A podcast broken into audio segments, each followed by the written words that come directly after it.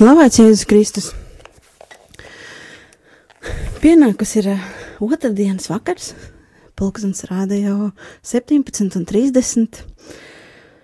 Šodien ir klāt raidījums Bāriņu svētdiena, kas notiks jau pavisam drīz, uh, pēc mēneša jau novembrī, 5. novembrī, visās draudzēs, kurās ir iesaistījušies cilvēki, kuri vēlas kalpot, uh, kuri vēlas um, palīdzēt un atbalstīt šos bāriņnamus un, uh, un uh, kaut kā iesaistīties un arī palīdzēt viņiem, atbalstīt viņus. Iepriekšējās reizes mēs esam runājuši par dažādām tēmām jau. Pašā pirmajā reizē mēs runājām par, par, par to, kā vispār bāriņu svētdien sākās, kā tas viss attīstījies. Pie mums bija ciemos viena no organizatoriem, uh, Un tad, tad uh, viņi atklāja to, ka bāriņu svētdiena nav nekas jauns, nav, nav Latvijā radīts, bet uh, ir jau 140 valstīs. Nākamā raidījumā mēs runājam arī par to, kas notiek uh, draudzēs, un uh, konkrēti pieminējām ģimenes māju. Mums arī būs uh, pēc pāris reizēm, mums arī būs no citām draudzēm uh, viesi Un tad pēdējās divas reizes mums bija ciemos no bāriņu svētdienas, kurā mēs apskatījām ļoti būtisks jautājums tieši par bāriņiem. Tad pirmā, pirmajā reizē, kad bija bāriņu tiesa, mēs pārunājām par auģu ģimenēm un aizbildņiem. Ja pareizi atceramies, tad aizbildņi ir tie, kur ir kā ģimenes locekļi, un auģu ģimenes, auģu ģimenes var būt visdažādākie cilvēki, kas piesakās. Iepriekšējā reizē mēs arī runājām par um, adopciju un viesģimenēm. Un šodien patreiz pie maniem ētrā ir uh, pārstāve, kas, um, es domāju, viņa pat arī ar sevi iepazīstināt, viņa sauc Ārija, un tad viņa arī pie, iepazīstināt, ko viņa tieši uh, dara un uh, kādā sakrā viņa ir ar um, auģu ģimenēm vai arī ar bāriņu svētdienu saistīta. Lūdzu. Labvakar. Un uh, man jau kā programmas vadītāja teica, sauc arī Martukāne, pārstāvēs biedrību sociā... profesionālo auģu ģimeņu apvienību Terēze. Un uh, mēs kā apvienība darbojamies arī uh, Kristīgajā aliansē bāriņiem.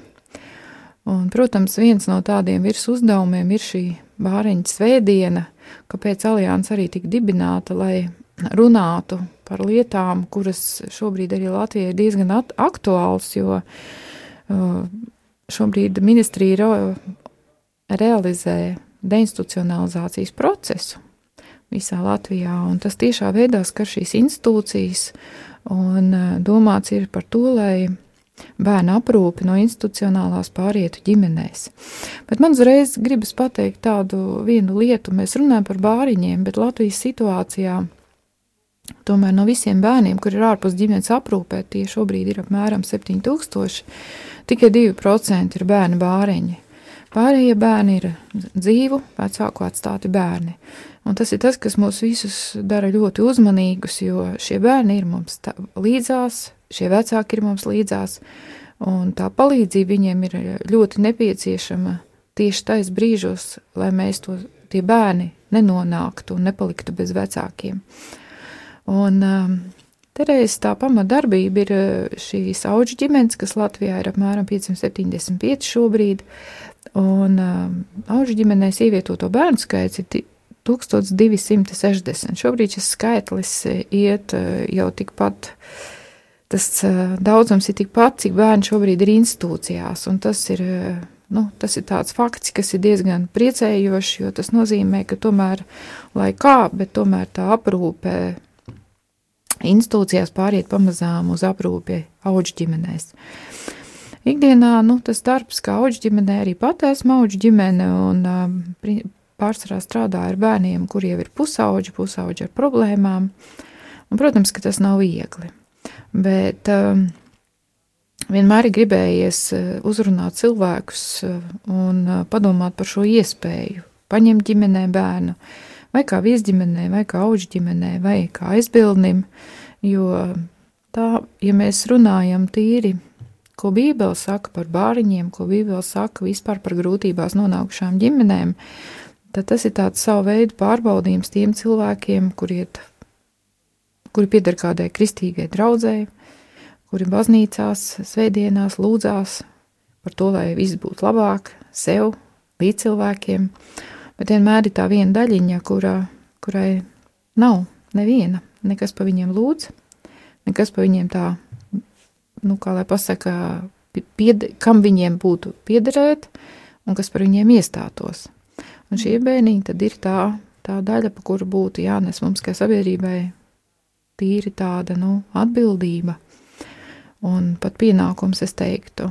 Ja Bībelē vairākās vietās ir norādīts uz to, ka bāriņi, bāriņi tie, pa kuriem ir jārūpējās, bāriņi, atraitnes, un viņi būs tie, kas parādīs mūžības priekšā, vai mēs šo atbildību esam uzņēmušies, vai mēs kaut kādā veidā kaut ko esam darījuši. Šeit nav stāsts par to, ka visiem ir šobrīd un tūlīt un tagad jākļūst par kādām no šīm aprūpas formām, bet eh, tā, tās palīdzības iespējas jau ir dažādas. Un, kā jau te Bāja pieminēja, jā, viena no tām ir šī kalpošana bērnamos. Eh, man ir atnākusi kolēģija Teļupa, un viņa arī ļoti skaisti stāsta par to, kā var būt par mentoru šiem bērniem. Un tas formas ir dažādas. Var būt par uzticības personu, var būt par viesģimeni, un vienkārši dot iespēju bērnam sajusties īpašam, vajadzīgam, uh, un arī aiziet paviesoties ģimenē, satikties ar cilvēkiem, kuri ir savādāki. Jo šīs institucionālās vidas ir diezgan izolētas un stigmatizētas. Un, protams, ka apkārtējā sabiedrība uztver šos bērnus kā bērnam bērnus, skolā par to zina, tādas, tādas integrācijas iespējas šiem bērniem ir diezgan mazas. Un tad tā iespēja viņam pabūt citā sabiedrībā, vai vai regulāri iet uz svētdienas skolu, vai viesģimenē, vai arī tas brīnišķīgais stāsts, ka tie bērni tomēr nokļūst ģimenē, vai auģu ģimenē, vai aizbildnībā, tas viņiem paver tādu iespēju kaut ko savā dzīvē mainīt, ieraudzīt to citu pieredzi, jo tā bēr, to, šo bērnu pieredzes, nu, viņas nav, tad, nu, kā lai pasaka, nu, Viņas ir ļoti nepareizas, un uh, bieži vien tā pasaules uztver bērniem ir izkropļota, un tas, kas mums liekas slikti, tā ir vienīgā šī, šo bērnu pieredze. Un pateikt viņam, ka viss tas, kas ar tevi saistīts, bijis slikts, tas ir nežēlīgi, jo bērns jau sevi personificē, bērns jau sevi pieņem tieši ar šo pieredzi. Un tas ir tas stāsts par to, kā mēs skatāmies, kā mēs palīdzam mainīt, kā mēs atbalstam un kā mēs iesaistamies, lai šiem bērniem tomēr dzīvē iespējas būtu kaut ko darīt savādāk. Mm -hmm, jā, um, tad es uh, varbūt uzdošu arī nedaudz personiskāku jautājumu. Jūs minējāt, ka jūs arī esat auģu ģimene, ja? Jā, un man, mm -hmm. es sāku kā viesģimene, tas bija pirms 25 gadiem, jo tad auģu ģimenes nebija, un tas sākums arī bija tieši tā, kā kā viesģimenei aizbraukt uz vienu institūciju, pavasarī paņemt eh, meitenīti, atvest mājās. Protams, ka tas nav tik vienkārši, ka tu vienreiz viņu aizved apakaļ, otrreiz viņu aizved apakaļ, un tad, kad tu redzi, ka tas bērniņš ar tām šļūcošajām kājām pa to taciņu un, un raudošām actiņām aiziet, tad, tad to, to izturēt ir grūti. Un, protams, ka lēmums bija diezgan ātri, un tie bija bērni, kas pateica, mamma, tā nevarēsim. Uh, Un, un šim bērnam nekur nav jābrauc, viņam jāpaliek ģimenē. Tas ir pilnīgi loģiski, un ar to ir gājuši arī citas auģu ģimenes ar uh, vecāki, kas ir bērns pieņēmuši gan adopcijā, gan aizbildnībā, kad tad, kad tu to bērnu ielaid savā dzīvē, tad tam rezultātam ir diezgan nu, skaidrs nākotnes mērķis, ka viņš arī tur paliks. Mm -hmm. Jūs minējāt, ka bērni bija tie, kas uzmundīja uz tieši šīm domām. Tad um, cik jums ir bērni un uh, kā tas viss varbūt tās jūs pati izdomājāt, vai tas bija ģimenes pirmais lēmums? Nu, šo, šovasar paņemsim, pamēģināsim, vai arī, kā, uh, jā, tad viens jautājums ir, vai, te, jā, kā. Nu, mums pašiem vīri ģimenē ir četri bērni, trīs dēli un meita. Un, un, tas tāds, tā, tā, tā bija tāda sava veida sakritība, jo faktiski man tā godīgi jāsaka, es nekad neesmu domājis, ka es būšu ģimene, auģu ģimene, man kaut kā, nu, tas tā, kā, kā, kā citi vecāki saka, viņi nolēmuši, viņi to darīs. Mums tas bija tīri nejauši. Ieraudzījām avīzīti rajonu un avīzīte izlasījām rakstiņu, ka šāda iespēja ir. Un tā bija 90. gadu beigas, ka tiešām arī bērnami, paša bērna vadība, tā kā veicināja bērnu nonākšanu ģimenē, ja to uz iesniegumu pamatu varēja aizbraukt un paņemt šos bērnus pavasaru, un, un ļoti daudz iestādes pavasaru vispār bija tukšas. Un bērni brauc pie zemniekiem, jo tas sakrita arī ar to laiku, ka bija breša valdība un bija šie breša zemnieki un jaunsavniecības attīstījās. Un, un, un tas, tā, man liekas, tā bija ļoti laba pieredze tajā laikā. Vienīgais tas, ka, nu, par cik tas bija nekontrolēts process, tad arī bija diezgan daudz pārkāpumu un tad šo kustību pārtrauca, bet uh, pēc manām domām viņu vajadzēja nevis pārtraukt, bet viņu vajadzēja kontrolēt, skatīties un uzraudzīt. Bet arī tajā laikā uh, bērna vadība, vadība brauc vasarā pa vairākām reizēm un skatījās, kā bērni iedzīvojušies, kā viņi tur jūtās. Nu, lūk, un to rakstiņu izlasījām, un par cik bija tā mums viena meitiņa, un viņai uh, jau tas pusauģu vecums tāds, kad, nu, sāk tās zēnu meitnēm atdalīties, un viņai bija ļoti grūti, jo viņa brāļiem bija saradusi, un viņai likās, kad, kad viņa ir viena no viņiem, bet, nu, tad šis tās bija par meitenīti, un, protams, aizbraucām un domājām, ka būs tur vecāka meitiņa, meitiņai bija 14 gadi, bet bija tāda maza 8 gadīga peciņa, un, nu, un tad vedām mājās, jo tukšām rokām jau mājās nebrauc. Tas bērns ir sagatavojies, viņš gaida, viņš skatās, ka viņu aizvedīs, un kā tu viņam pateiksi, nē. Tā kā, nu, tas ir tāds, man jau vispār liekas, ka eh, tā plānveidīga dzīve, kristīgam cilvēkam plānveidīga dzīvē pēc savu prātu ir daudz lietas ļoti grūti izdarīt, tāpēc, kad uh, viņam ir tas dievu noliktais ceļš, kas viņam šai dzīvē jādara ir. Un, un lai tu kā izvairītos vai gribētu kaut ko darīt savādāk, tu vienalga šī ceļa nonāksi. Un, teiksim, pa, paskatoties atpakaļ eh, uz, uz to laiku, kad es, tas pirmais bērniņš ienāca Un salīdzinot ar to laiku, ko es šobrīd daru, nu, es redzu to, to mērķi tam visam, kāpēc tas bija tieši tā un ne savādāk. Mm. Mm. Mm -hmm. Jā. Jā, liels paldies arī. Um, pirms muzikālās pauzes, uh, varbūt jūs vēlaties novēlēt kaut ko rādījumam arī klausītājiem, jo pēc muzikālās pauzes tam mums būs uh, vēl viens viesis, Ļudu, un tad arī viņa pastās arī vēl citas lietas. Bet um, ko jūs varētu novēlēt um, rādījumam arī klausītājiem, tie, kas klausās, iespējams viņi ir iedegušies, iespējams viņi ir kaut ko dzirdējuši. Uh, jā, ko jūs varētu novēlēt viņiem? Jā, novēlēt. Tas tā, nu, tas tā. Kas vispār ir kristīga cilvēka būtība? Kristīga cilvēka būtība ir mēģināt tomēr savu dzīvi dzīvot tā, lai mūžības priekšā viņš varētu, uzliekot roku sirds, pateikt, ka viņš ir darījis visu, lai pasauli kļūtu labāka, lai vīdi cilvēkiem būtu lai līdzcilvēki kļūtu laimīgāki, lai tas mazais, kas ir ceļā satikts, ir bijis noglāstīts, samīļots. Un eh, man liekas, ka tas ir tas mērs, kā mums, kā, kā vispār cilvēkam vajadzētu dzīvot. Tās tavas vērtības pamata, jo šie bērni gaida. Šie bērni gaida, kad atnāks tas viens īstais cilvēks, vai tā būs, nezinu, krustmāte, vai nākošā māmiņa, vai, vai vienkārši viesģimene vai aizbildnis un paņems viņu. Un šo bērnu ir šobrīd 1200 Latvijā, un viņi gaida.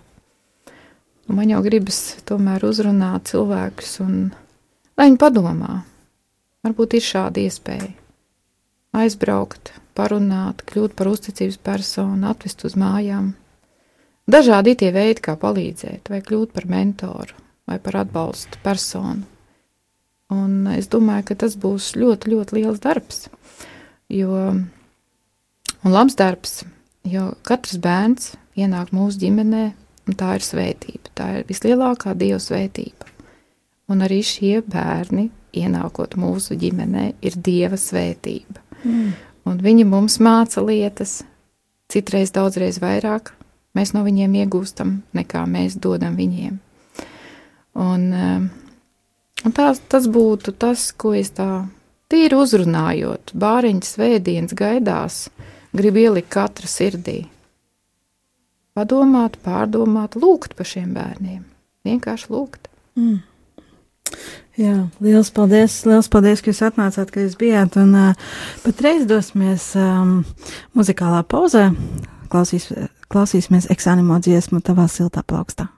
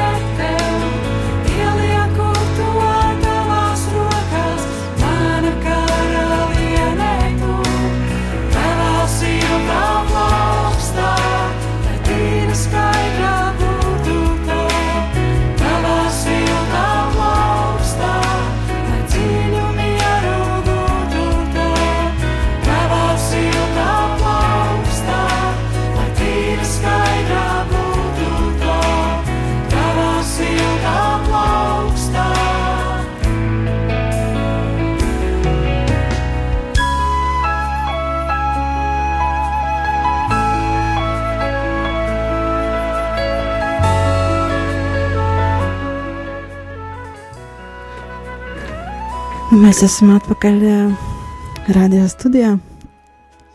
Pie mums ciemos ir vēl kāds viesis. Mēs tikko jau runājām ar Āriju par, par um, auģu ģimenēm, par viņas tādu uh, aicinājumu, kā viņa to visu uztver un viņas pieredzi. Un patreiz studijā ir Ļuba, un viņa pastāstīs kaut ko vairāk par mentoru. Eh, mentoru programmu, kas ir mentori un ko viņi dara. Un, eh, jā, došu vārdu Ļubai. Sveiki, Ļuba! Paldies, jā, sveicināti šajā lietainajā vakarā. Uh, priecājos runāt jums šodien, un kā jau Ārija iepriekš minēja, ir ļoti dažādi šie veidi, kā palīdzēt bāriņiem. Uh, un mēs uh, organizācijā Mentora Latvija strādājam ar jauniešiem, ar pusauģiem un jauniešiem, kas arī dzīvo bērnu namos, mācās internāta skolās vai joprojām atrodas ģimenē, bet šīs ģimenes ir augstā riska ģimenes. Uh, un mūsu darbība ir virzīta uz to, lai atbalstītu katru no šiem jauniešiem pusauģiem individuāli. Uh, Uh, un tad, kas ir mentors?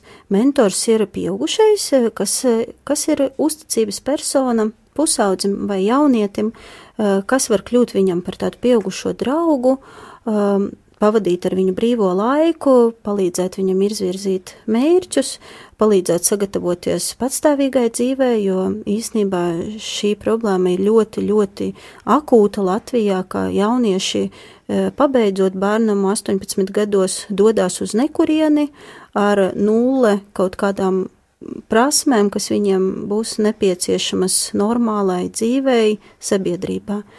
Un, protams, šī problēma ir ļoti dziļa, un mēs nevaram tādā līmenī, kā mēs darbojamies, to risināt, bet mēs varam atbalstīt šos jauniešus, sagatavojot viņus realitātē un arī pēc bērnama pabeigšanas atbalstot arī turpmāk, lai, lai viņš varētu tikt galā ar savu dzīvi. Uh, Es pati, man šis stāsts ir tāds ļoti garš, bet mums ir ļoti maz laika, tāpēc es tikai tā ieskicēšu, kāpēc es esmu uh, tur, kur es esmu un kāpēc es uzskatu, ka tas ir svarīgi. Uh, un tāda, tāda doma par kalpošanu bāriņiem man bija jau kopš pašas bērnības, un es domāju, ka Dievs ir sācis strādāt ar manu sirdi vēl, vēl tālu līdz tam, kad es viņu iepazinu personīgi. Um, un es atceros, ka mēs ar māsu spēlējām bārbijas, un mums vienmēr bija kāds adoptēts bērniņš bārbijām, -hmm. un, un šī mm -hmm. tēma bija tāda ļoti, nu, tāda vienkārša, tāda ikdienišķa mūsu ģimenē, kaut arī vecāki nekad nav runājuši par bāriņiem un par bērniem bez vecākiem. Un uh, tad, uh, kad man bija 18, es sāku strādāt vienā no bērnu namiem, un tad arī ieraudzīju šo visu realitāti skarbo. Uh, Un jāsaka, ka tas mainīja noteikti visu manu dzīvi un arī mm, ievirzīja tajā, tajā, ko es daru pašlaik, jo man bija divas iespējas vai nu izlikties, ka es nezinu, kas notiek, un turpināt dzīvot, vai nu arī darīt kaut ko, lai palīdzētu un lai izrautu vismaz vienu no šīs sistēmas graujošās. Un tā es sāku interesēties par visādiem ārpusģimenes aprūpas veidiem, par alternatīvām, par viesģimenēm, auģu ģimenēm, adopciju un visu, visu ko, par ģimenes tipa bērnu namiem, braucu ciemos, domāju, kā labāk ko darīt, un bija, protams, daudz kas te, tajos gados. Uh, bet tad es sāku strādāt ar sociāla riska ģimenēm. Un sastapos ar to, ka vecāki, kuri nu, ir bāriņties sociāla dienas redzes lokā, kuriem draud bērnu atņemšana, pārsvarā viņi paši ir bāriņi. Mm. Tātad cilvēki, kuri nebija mīlēti paši, kuri nebija pietiekami aprūpēti un pašlaik viņi nespēja to nodrošināt saviem bērniem. Un ka tas mm -hmm. ir tāds aburtais lokus, kas, protams, nekad nebeigsies. Jo viņu bērni nonāks atkal bērnu namā, atkal izaugs par tādiem pašiem pieaugušiem, nespējīgiem. Un tas sakrita kopā ar to, ka es ieraudzīju tādu aicinājumu kļūt par mentoru. Es papētīju vairāk, dziļāk un sapratu, ka mentors ir arī nu, tāds pats cilvēks, kā varbūt es esmu ģimenē, bet tikai tādam vēl pusaudzītim, ar kuru, protams, jo ātrāk tu sāc, jo vairāk tu vari kaut ko ietekmēt un arī palīdzēt viņam neizaugt par tādu, tādu jau destruktīvo pieaugušo. Mm. Un tā es pieteicos par mentori pati. Tas bija pirms četriem gadiem. Uh, Pašlaik es esmu ne tikai mentore divām brīnišķīgām meitenēm, bet arī koordinēju programmu reģionos, jo mūsu programma nav tikai Rīgā, bet arī Tukumā, Jelgavā, Kuldīgā un Saldu. Un kopā mums ir gadā ap 70 tādiem mentoru mm. pāriem, kur ir viens pieaugušais un viens jaunietis vai mm -hmm. pusaudzis, nu, sākot no 13 gadu vecuma. Uh, un uh, būt par mentoru, tas ir ļoti, protams, arī atbildīgs darbs, jo nav tikai tās tikšanās, uh, Eh, ka tu pavadi laiku klātienā ar jaunieti, kaut kur dodoties kopā, bet, protams, ir arī daudz tāds domāšanas eh, laiks vai arī tāds emocionālais laiks, kad tu mēģini risināt tas viņa problēmas pirmām kārtām nu, savā sirdī, ko tu var to darīt, kā tas tevi uzrunā, ko tu nu, šajā situācijā vari palīdzēt. Uh, un um, būt par mentori ir ļoti daudz uh, par to, dalīšanos savā pieredzē, savā dzīvē, savās eh, kaut kādās um, prasmēs arī, protams, jo, um, jo jauniešiem ir ļoti grūti, kuri ir izauguši bērnamā vai sociāli destruktīvā ģimenē, viņiem ir ļoti grūti atpazīt savas emocijas, um, kaut kā savaldīt savas emocijas. Un ja bērns, piemēram, mazs bērns, viņš mācās vērojot, Viņš mācās no, no tā, ko dara māma, tētis, kā viņi uzvedās, kā viņi runā, kā, mm -hmm. ko mhm. viņi dara. Viņš vienkārši pārņem to pieredzi. Tad, eh, nu, diemžēl jauniešu vecuma posmā vairs nepietiek tikai ar to uh, skatīšanos uz citiem un atdarināšanu, vairs ir par maz. Ir ļoti daudz jārunā, kāpēc es to daru. Jo -hmm. savādāk tas jaunietis, viņš, uh, viņš to pieredzi nepārņem. Viņš redz un domā, Ļuba dara tā, nu, Ļuba ir tāda, viņa dara tā, mm. bet mhm. viņš nekad nedomās, es arī tā varētu Jā. uzvesties vai runāt. Mm -hmm.